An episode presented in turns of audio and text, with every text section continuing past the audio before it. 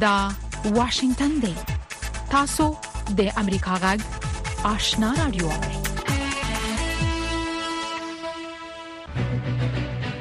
قدرمن اوریدونکو السلام علیکم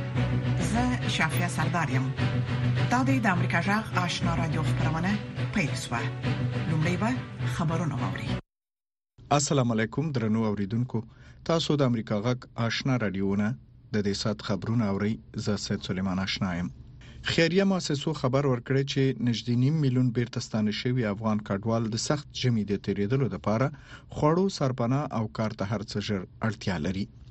دغه مؤسسو د روان بحران د نور پراخېدو د مخنیوي په هدف د کوربه هیوادونو غوښتنه کړې ده چې ترغه افغان کډوالو ته د پاتې کېدلو فرصت ورکړي چې ترڅو خپل هیواد یعنی افغانستان کې ورته د بیرته ستنیدلو شرایط برابر شي د ملګرو ملتونو د خزو د ادارې د کډوالو نړیوال سازمان یا IOM او د ملګرو ملتونو د مرستندوی پلاوی دفتر یا یوناما د یوې ګډې سروي موندنې ښیي چې زده کړو او کار ته د افغانو میرمنو او جنونو لاسرسي په افغانستان کې د خزو او جنونو د ټولو ستونزو او غواخونو د حل لپاره یو اساسي اړتیا ده د دې خبرو جزئیات د نوشابه آشنا ناوري دغو ښځو د دوه زره او درویشتم کال د اګست میاشت نه وروسته د خپل ورځني ژوند په اړه معلومات ورکړي چې څه یې لیدلي، څه ورته لومړیتوب لري او څه وړاندیزونه لري. د ملګرو ملتونو د ښځو څانګې د پنجشنبې ورځ د سپټمبر په څوارلس مه په خپل راپور کې ویلي چې افغانستان ته بیرته ستانه شوو کډوالو کې اتیا فیصده یې ښځې اته څلوېښت فیصده ماشومان او دیارلس فیصده داسې ښځې دي چې د کور سرپرستي په غاړه لري. د دې راپور پر اساس په تېرو دوو میاشتو کې د پاکستان نه څلور سوه او اته ویشت زره کډوال د تورخم او سپین بولدک له لارو بېرته افغانستان ته ستانه شوي دي. راپور کې ویل شوي دي چې په دې بېرته ستنو شوو کډوالو کې د هغو ښځو ژوند ته ډېر خطر دی چې په دوه زره او یوویشت کال کې د طالبانو د بیا واکمنېدو نه وروسته په پخواني حکومت کې د کار کولو او جبري واده کېدو له ویرې پاکستان ته تښتېدلې وي نوشابه اشنا امریکا غاک واشنگټن بلخوا د ملګرو ملتونو په یو تازه راپور کې ویل شوی دی چې په افغانستان کې د طالبانو چارواکي خزي لدې کابل په زندانونو کې ساتي چې وی په ټولنه کې د جنسیت په بنیاد تاوتریخوالي څخه وژغوري د ای پی د راپور د مخې نه د 2021 میلادي کال تر اگست مخکې چې لا طالبان واکمن شوي نه په افغانستان کې د تیر حکومت لخوا د خزو د ژغورنې یا خوندیتوب درویشت مرکزونه وو چې وی د جنسیتي توپیر له تاوتریخوالي سره مخ خزو پکې پناه اخیسته و خو د ملګرو ملتونو د راپور د مخې نه اوس په افغانستان کې د خزو د خوندیتوب یو مرکز هم نه دی پاتې د طالبانو د حکومت چارواکو په افغانستان کې د ملګرو ملتونو د سیاسي دفتر یا یوناما چارواکو ته ویلي چې د ښځو د ژغورنې لپاره داسې مرکزونو ته هیڅ اړتیا نشته ځکه چې وی دا غربي کلتور دی د اسوسییټډ پریس خبري اژانس وی د طالبانو د وزارتونو سره په دې اړه تماس ونیو خو وی هیڅوک هم په دې اړه تبصرې ته تیار نه وو د امریکا د بهرنیو چارو وزارت وی چې د طالبانو سره د هغو امریکایي اتباعو د ازادېدو په اړه خبرې کړي چې دغه ډلې په افغانستان کې نیولې او بنديان کړې دي د بهرنیو چارو وزارت ویان ماتیو ملر د چهارشنبه په ورځ په واشنگټن کې خبريالانو ته ویل چې د افغانستان د پاره د امریکا ځانګړي استاذي ټام وست په همدې اونۍ کې د طالبانو د یو استاذي سره په دې اړه غږیدل دي ماټیو ملر ویلي دي چې دا هغه مسله ده چې موږ یعنی امریکا هیڅ کله هم له پامه غورځولې نه ده هغه ویل د دغو امریکایانو ازادیدل د واشنگټن لپاره لومړیتوب دی خو وی نه ویل چې دا مهال په افغانستان کې د طالبانو سره څومره امریکایان بندیان دي تاسو د امریکا غږ آشنا رادیوونه د افغانستان سیمه او نړۍ خبرونه اورئ د پنځشنبه په ورځ په غزه کې د حماس پر ضد د اسرایل ځواکونو جګړې ته دوام ورکړی دی بل خو د فرانسې خبري اژانس د ډاکټرانو او عیني شاهدانو په وینا خبر ورکړی چې په غزه کې د غنیګونی ډکو کمپونو کې وضعیت دومره خراب دی چې ماشومان پکې ناروغه شوي دي د غزې په خان یونس ناحیه کې د نصر روغتون د ماشومانو د څنګ رئیس احمد الفرا ویلي دي چې د کم عمر ناروغانو شمیر یې زیات شوی دی او اکثریت د خورځواکۍ په یو ډول ساري ناروغي اخته دي د ډاکټر احمد په وینا په موقتی سرپناه ځایونو کې د زیړی ناروغي خبره شوې ده چې ډیره خطرناکه ده او په دومره غنګونه ځای کې باید جدي پاملرنه ورته وشي ځکه موجوده خواړه د خوراک وړ نه دي او ټول د حاجت رفع لپاره ګډ تشنابونه کاروي د ملګرو ملتونو د بشري همغږي څانګې د چهارشنبه په ورځ خبر ورکړو چې په غزه کې صحي وضعیت د تباهۍ په لور روان دی او ناروغیان مخ په زیاتېدو دي د سپینې ماڼۍ د ملي امنیت شورا ویان جان کربي خبريالانو ته ویلي چې د ملي امنیت سلاکار جک سلیوان به د پنځشنبه او جمعې په ورځو کې په اسرایل کې د چارواکو سره خبري وکړي او په پوځي عملیاتو کې به د لا زیات دقت او احتیاط ټینګار وکړي ویان ویلي دا د امریکا غوښتنه ده چې اسرایلیانو هم منلې خو باید پایلو ته منتظر شي د ناتو عمومي منشي وی ائتلاف یې د اوکراین ملاتړ ته ژمن دی عمومي منشیان سټولټنبرګ د پنځشنبه په ورځ ویلي چې د ناتو ائتلاف ژمنه کړې چې په روان ژمي کې به د اوکرين ملاتړ ته دوام ورکړي او وایي هغه ډاډه دی چې په امریکا کې د اوکرين سره د مرستو روان بحث به یو حل پیدا کړي سټولټنبرګ د سلواکیا د صدراعظم سره یو ځای یو مطبوعاتي کنفرانس ته ویلي چې پوتین د روسي اقتصاد د جګړې په مسیر سم کړي او خپل پوځي تجهیزاتو تولید یې زیات کړی دی چې اوس زیاته اتکا په چین، ایران او د شمالي کوریا په وسلو کوي. د روسیې جمهور رئیس ولادیمیر پوتین د پنځشنبې په ورځ ویلي چې 244 زره هغه عسکر چې په اوکراین کې د جګړې د پاره سوق شوی اوس د جګړې په ډګر کې دي او د دویم احتیاطي لخر د لیګلو د پاره اړتیا نشته دا و د دې سات خبرونه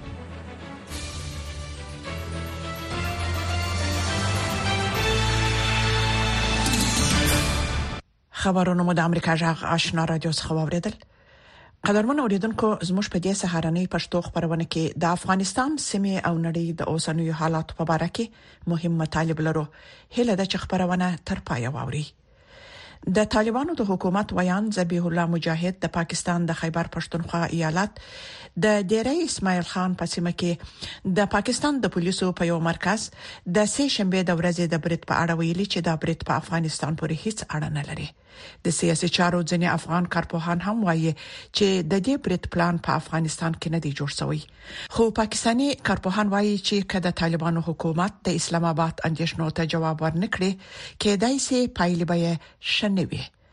نور تفصيل زموږ د خبريال اکرام شنواري په رپورت کې واوري د طالبانو د حکومت وین زبی الله مجاهد په اسلام آباد کې د افغانستان د سفارت شارج داپیر ته چې د طالبانو لخوا ټاکل شوی د خیبر پښتونخوا ایالت پر ډیره اسماعیل خان کې د سی شنبه د ورځې د خونړي برید وروسته د پاکستان د بهرنی چارو وزارت لخوا د احتجاج د وړاندې کولو په خبرګون کې ویلي چې دا برید د افغانستان سره هیڅ تړاو نه لري ښاغلي مجاهد د چهارشنبې په ورځ ملي تلویزیون سره په مرکه کې چې د طالبان لخوا اداره کیږي ویلي چې د پاکستان حکومت د دې برید په تړاو افغانستان ته شواهد برابر کړي په اړه به پلټنې وکړي یملا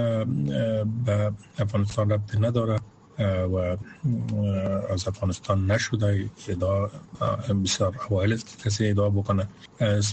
سومی که موضوع تحقیق در این مورد که گفته شده اگر با ما معلومات ها شریک ساخته شد ما حتما در این مورد تحقیق میکنیم خو خاګلی مجاهد ویلي چې د دغه سیبریدونو مخنیوي باید دنه په پاکستان کې وشي د پاکستاني رسنیو د راپورونو لمخې د خیبر پښتونخوا د ډیره اسماعیل خان کې د سې شنبه په ورځ د پولیسو په مرکز د موټر بم برید کې ځینې پاکستاني عسكر وژل شوي او لزګونه نور ژوبل شوي دي د پاکستان د بهرنی چارو وزارت په یو خبره کړې اعلامیه کې ویلي چې د طالبان حکومت څخه غوښتي چې په دې رئیس بیل خان کې د تیرې ورځې د برید عملی او د تحریک طالبان پاکستان مشران دي ونیسي او اسلام آباد ته دي وسپاري په دې اعلامیه کې ویل شوی چې په لوړه کچه په عام ډول دي د روسي برید غندنه وشي په بیړني ډول دي د ټولو تروریستي ډلو د مشرانو او د غوي د پناهځینو په ګډون پیژندګلوي لپاره اقدامات وشي او د برید د عملیونو او په افغانستان کې د تحریک طالبان پاکستان پاکستان ټي ټي پي د ډلې مشران ونیول شي او د پاکستان حکومت ته دې وسپارل شي د پاکستان د بهرنیو چارو وزارت هم په دغه برید کې چې مسولیت یې تحریک جهاد پاکستان په نوم یوې نوې وسلوالې ډلې اخیستی د درېش تنو پاکستاني عسکرو وژل تایید کړي دي د پاکستان د بهرنیو چارو وزارت ویلي چې دا نوې ډله هم د تحریک طالبان پاکستان د وسلوالې ډلې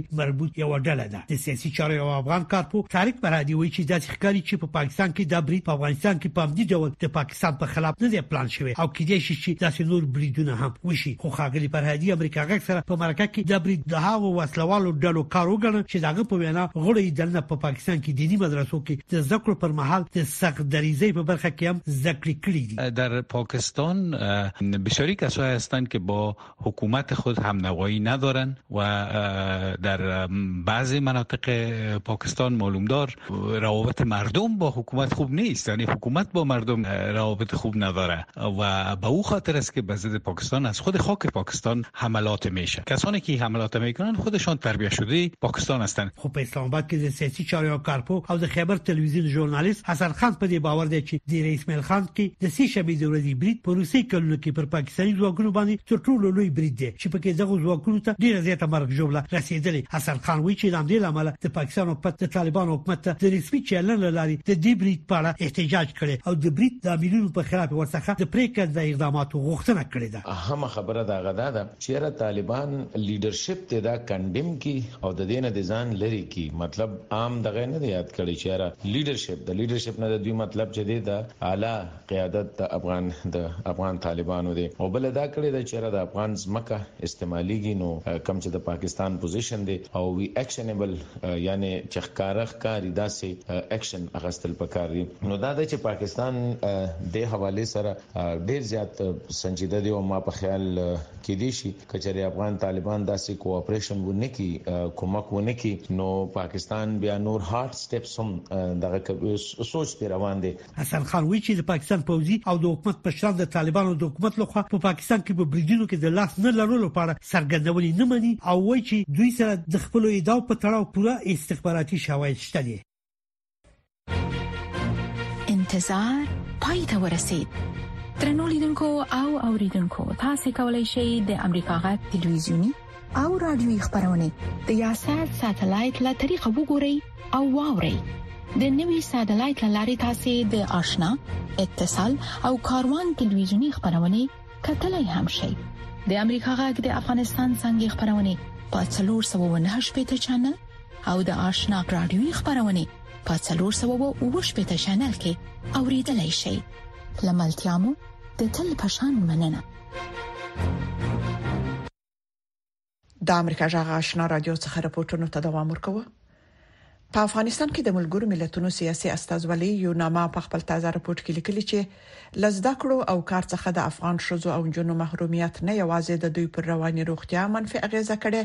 بلکې په کورنیو او ټولنه کې یې د دوی ونډه کمه کړې ده. یوناما وايي، د دوه زره درویشتم کال له جنوري څخه د روان کال تر نومبر میاشتې پورې په کورنیو کې د ښځو ونډه نوي فیصده څخه نه دېرش فیصده او په ټولنه کې یې ونډه د اوولسو فیصدو څخه پنځه فیصدو ته راټیټه شوې ده د بلې خوا ملګرو ملتونو له پاکستان څخه افغانستان ته د راستنیدونکو افغان کډوالو د وضعیت په اړه اندیشنه شوه ده نور تفصيل د وحید فیض څخه واوري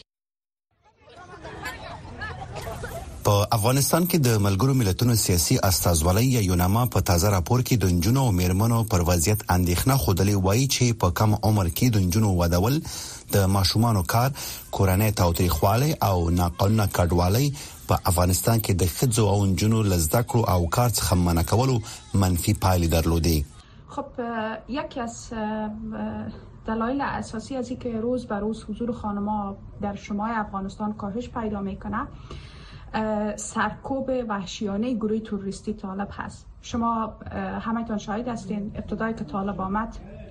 چقدر زنان در داخل افغانستان به خیابان ها رفتن و در داخل مکان های مختلف دست به اعتراض زدن اما هر روز که طالب به خانه هر زن حمله کرد در زندان ها شکنجه های وحشتناک دخترها با خانواده هایشان سپری کردند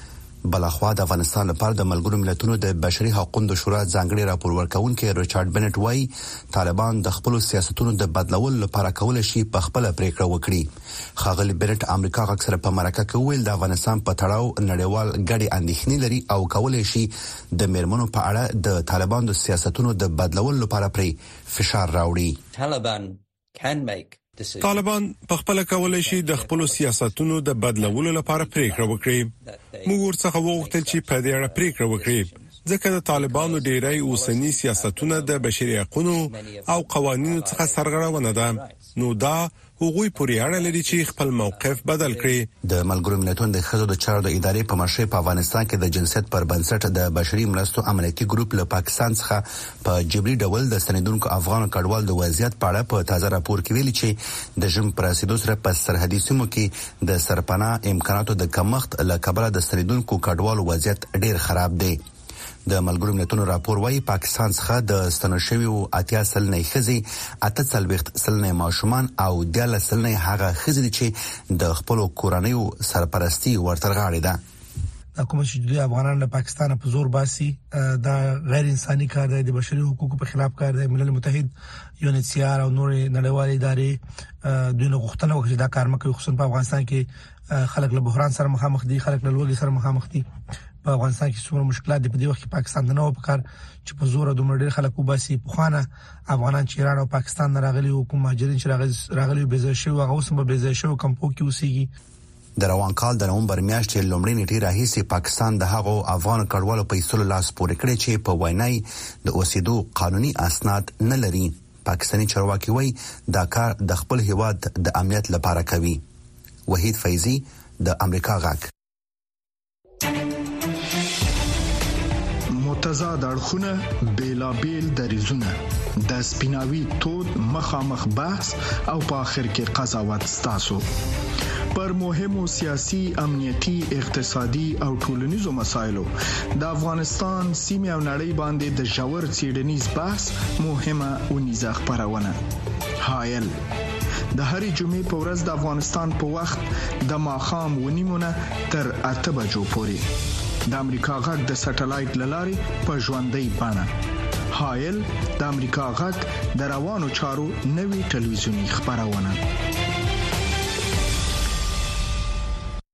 دا هم څو نړیوال رپوټونه.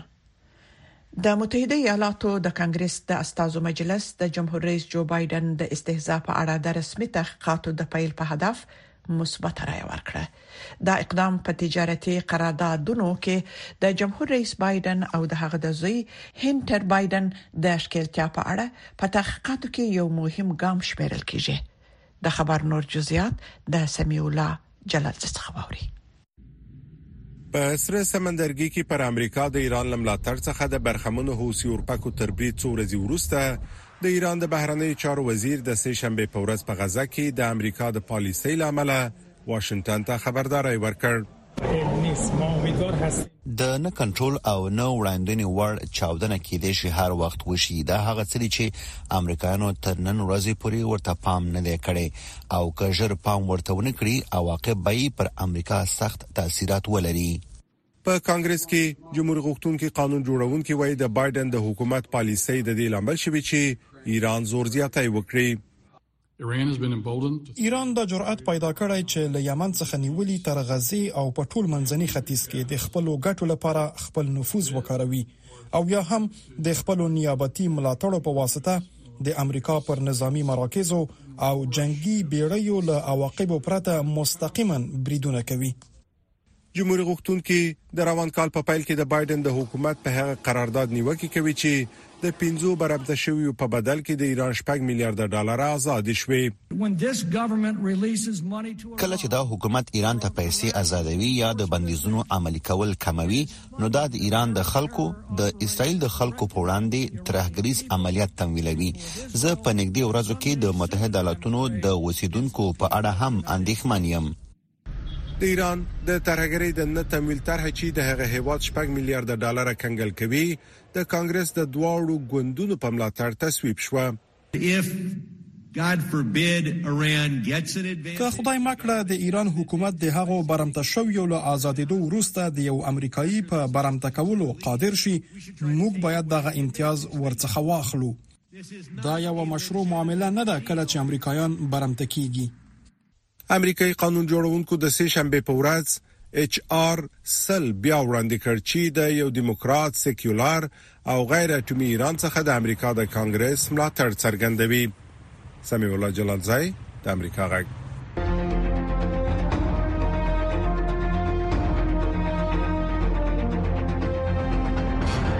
اتصال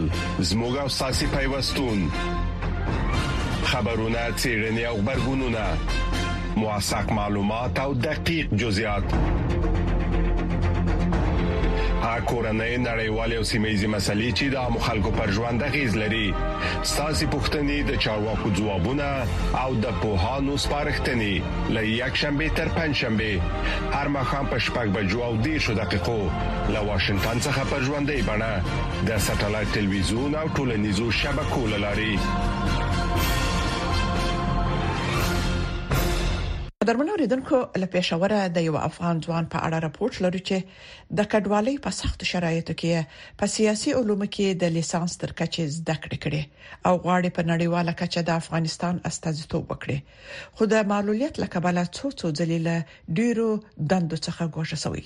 زموږ همکاري مسکا صافي د دغه ځوان په اړه یو رپورت چمتو کړی دی دا یې د خدای پامانۍ ورځ ده پس له څلورو کلونو زده کړې امین الله فیضان افغانستان ته روان دی څلوریش کلن امین الله د افغانستان د ننګرهار ولایت سره تړاو لري هغه په پاکستان کې په سیاسي علومو کې خپل لیسانس بشپړ کړی. په پوهنتون کې ما د سیاسي علومو رشته دا سلیکټ کړله چې و مې کولای شو وس دا غینه فارغ شوم خو بدبختانه باید زه دا وایم چې د 2021 کال د بدلون نه په افغانستان کې دې طرف ته چې سیاسي فعالیتونه یو څه ځندنی دي او یوازې یوازې محدود خلک سیاسي کړنې تر سره کوي ولس او عام خلکو ته پکې دا اجازه نشته د چې خپل سیاسي فعالیتونه پر مخ باندې ویسینو هغه و چې زه د دغه خپل هدف نه یو څه وخت شاته کړم خو زما مبارزه به تر دغه وخت نه ایزه غواړم ولس د پاره کار وکم امین الله له ماشومتوبه په یوه پښه معلول دی وایي د خلکو چلند او فکری کمزورتیا له کبله له ډیرو فرصتونو څخه بې برخې شوی کله چې زه د پونتون نه فارغ شوم ما څو ځله د وظیفې د پاره اپلای وکړله په هغه کې د سی وظیفې و چې یوازینې زما د ممانعت سبب زما معلولیت و نو چې هغه وخت کې زه فکری ډیر شکنجه کړم بیا ما په هغومره لوړو پوسټونو ته د اپلای کولو د پاره زړم خنه ک نو هغه و چې فکری ووجل شوم اوس نه غواړم په هغه هر هغه ځای ته چې په فزیکی لحاظ باندې کم جوړ خلک زی زلال شم او هلته کار وکړم هغه په افغانستان کې د معلولیت لرونکو خلکو لپاره جوړ قانون ننګوي، کوم چې یوازې د چاودنو له کبله معلولو خلکو ته جوړ دی. د افغانستان د ډیسیبل کوم قانون چې اوس پاس شوی کومه لایحه ده چې هغه معلولیت لرونکو وګړو ته د کتابچې جوړې شي پیسې او حق الزحمه دی ورکول شي چې هغه یو بدن په چاودن د بدن یو غړی په چاودنه کې له لاس ورکړی دی خو په افغان ټولنه کې معلولیت لرونکي وګړي ډیر دي چې په بیلابیلو پیښو کې یا د ډاکټر د پچکارۍ د وجه یا د پولیو په وجه باندې دي معلول معلول شوی دي نو هیله او امید مې ده چې دغه حق او زحمت چې دا د هغه معلولینو تور کول شي کوم چې فزیکی جوړ نه دي او کار نشي کولای. امین الله وايي، غواړي په ملګرو ملتونو کې د افغانستان استازیتوب وکړي. په ژوند کې مې موخه دا ده چې د افغانستان په نمایندګۍ باندې په ملګرو ملتونو کې څوکۍ ولرم، هغه حق او حقوق چې د افغانانو په نړیواله ټولنه کې بند دي هغه په جار باندې وغواړم او افغانانو ته یې راوړم. د دې لپاره ما هڅه یوازینی چې راپاتې ده هغه د تعلیم ډګر دی چې دا مې نه دی پریښی. مخکې به زده کړې کوم ماستر او پی ایچ ډي تر څو خپل موخې او هدف ته ورسېږم امین الله وايي افغانستان یو ټول شموله دولت ته اړتیا لري ترڅو د هغه په څیر لوستي ځوانان په خپل څانګو کې کاري فرصتونه ترلاسه کړي او د هیواد په بیا رغونه کې ونده ولري امین الله یو تکړه ځوان دی او د افغانستان په سیاسي وضعیت ژور نظر لري هغه د افغانستان په موجوده نظام کې د پرمختګ فرصتونو لپاره د مثبت بدلونونو په رامنځته کېدو ټینګار کوي مسکا صاحب امریکا غږ پېښور نن او وضعیت د نړۍ سیمه او د افغانستان پر روانو چارو او د ننني وضعیت په حق لا خبرونه راپورټونه مرکه او تحلیلونه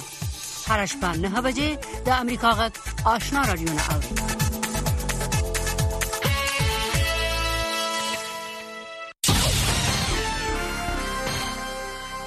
درنو اوریدونکو دا د امریکا غږ سر مقاله ده چې د امریکا د حکومت نظر څرګندوي په ملګرو ملتونو کې د امریکا سفیر لیندا تامس ګرینفیلد د ملګرو ملتونو د امنیت شورا ته د تازه وخت په وینا کې څرګند کړ د سوري رژیم د روسي په مرسته سره د ادلیب او علي اپو په ولایتونو کې د بیرحمه بمونو د اچولو مبارزه بوختیا ته دوام ورکوي په سلګونو نور ملکیان وژل برسره پر دې د صد رژیم په لارښوونه حمله د روسیې د هوایي حملو لخوا یې ملاتړ کیږي د ادلیب په لوېدیځه برخه کې تمرکز کوي، په لسګونو بې ځای شوي کسان یې تباه کړل. سفیر تاماس ګرینفیلډ وویل، له موږ نه په عراق او سوریه کې د امریکا په پرسونلو او مرکزونو باندې د هغو ملیشیايي ډلو چې د ایران له خوا یې ملاتړ کېږي حملې غندو. د بل هر غړي دولت په شان امریکا له خپل ځان نه د دفاع کولو حق لري، په داسې حال کې چې د ملګرو ملتونو د منشور په یو پنځوسمه ماده کې څرګنده شوې ده، ځکه نو موږ په ځواب کې هدفي حملې کړې دي او موږ چمتو یو چې نور اقدام وکړو. په داسې حال کې چې ضروري او مناسب وي چې د حملو د نورو غاښونو غم وخورو امریکا د نومبر په میاشت کې کاتب سعید الشا او شهاده او د دې عمومي منشي د تروریستانو په لیست کې شامل کړو په داسې حال کې په خاصه توګه د بین المللي تروریستانو په لیست کې سفیر تاماس ګرین فیلډ وویل، برسیره پر دې مونږ شپږ هغه کسان د بندیزونو په لیست کې شامل کړي دي چې د ایران متحدې ملیشې یې ډلې سره ارتباط لري چې هغه کاتب حزب الله ده. ایران د سپاه انقلاب قدس قوه له لارې د دغو او نورو افراطي ډلو ملاتړ کوي، دا دوی ته روزنه ورکوي، تمویلوي او عصري وسلې ورته برابروي، چې په دې کې مخ په زیاتېدونکې توګه صحیح او غیرانساني وژونکي سیستمونه شامل دي. دغه زیاتیدونکي سلوک د منلو وړ نه دی او دا د دې پورې هیڅ ارتباط نه لري چې د ځپلو غم وخوري او د هغو ناوړو اقتصادي شرایطو سره چې اوس د سوري ملکیان ورسره مخامخ دي سفیر ګرینفیلډ خبرداري ورکړه له بده مرغه سوري رژیم د ټولو هغو کوششونو په مخ کې خندونه اچوي چې د سیاست په مخ برخه کې پرمختګ منځته راوړي سري ناوړه عواقب ته وځي په نتیجه کې د سوري خلک خپل کوریکولي پر خودلو ته دوام ورکوي بیرته د راستنېدلو هیڅ نخې نخانه نه لیدل کیږي نه د اقتصادي شرایطو په علت په داسې حال کې چې رژیم ورته دوام ورکوي مګر ځکه دوی د رژیم له ځپلو نه ډاریږي د شکنجه ورکولو بې محاکمې نه بندي کولو او په زور لا درک کېدو نه جبري عسکري خدمت ته بلل او جنسي او په جنس باندې ولاړ تاوتریخوالي نه سفیر تاماس ګرینفیلد د څه باندې یو سلو پنځوس زرو خلکو د خوشې کولو غوښتنه وکړه چې د سوریې رژیم بې له محاکمې نه بندیان کړي دي یا یې په زور لادرکه شوي دي. دوی د اسد له رژیم نه هم وغوښتل چې د باب الهوا د بندر لپاره غځېدنې ته د مخه اجازه ورکړي چې وخت یې د جنوري په میاشت کې ختم کېږي، ځکه نو د ساړه ژمي په میاشت کې د سوري د زرګونو ملکیانو بشري ضرورتونه پوره کوي سفیر تامس گرینفیلد ویل د موږ تر ټولو نه زیات په دغه شورا باندې غږ کوو چې د سوري د خلکو سره ودرېږي په داسې حال کې دوی د خپل اساسي ازادۍ وو او د ډیر عادلانه او سوله ییز راتلونکي لپاره مبارزه کوي. درنو اوریدونکو دا و د امریکا غږ سر مقاله چې د امریکا د حکومت نظر څرګند کړ.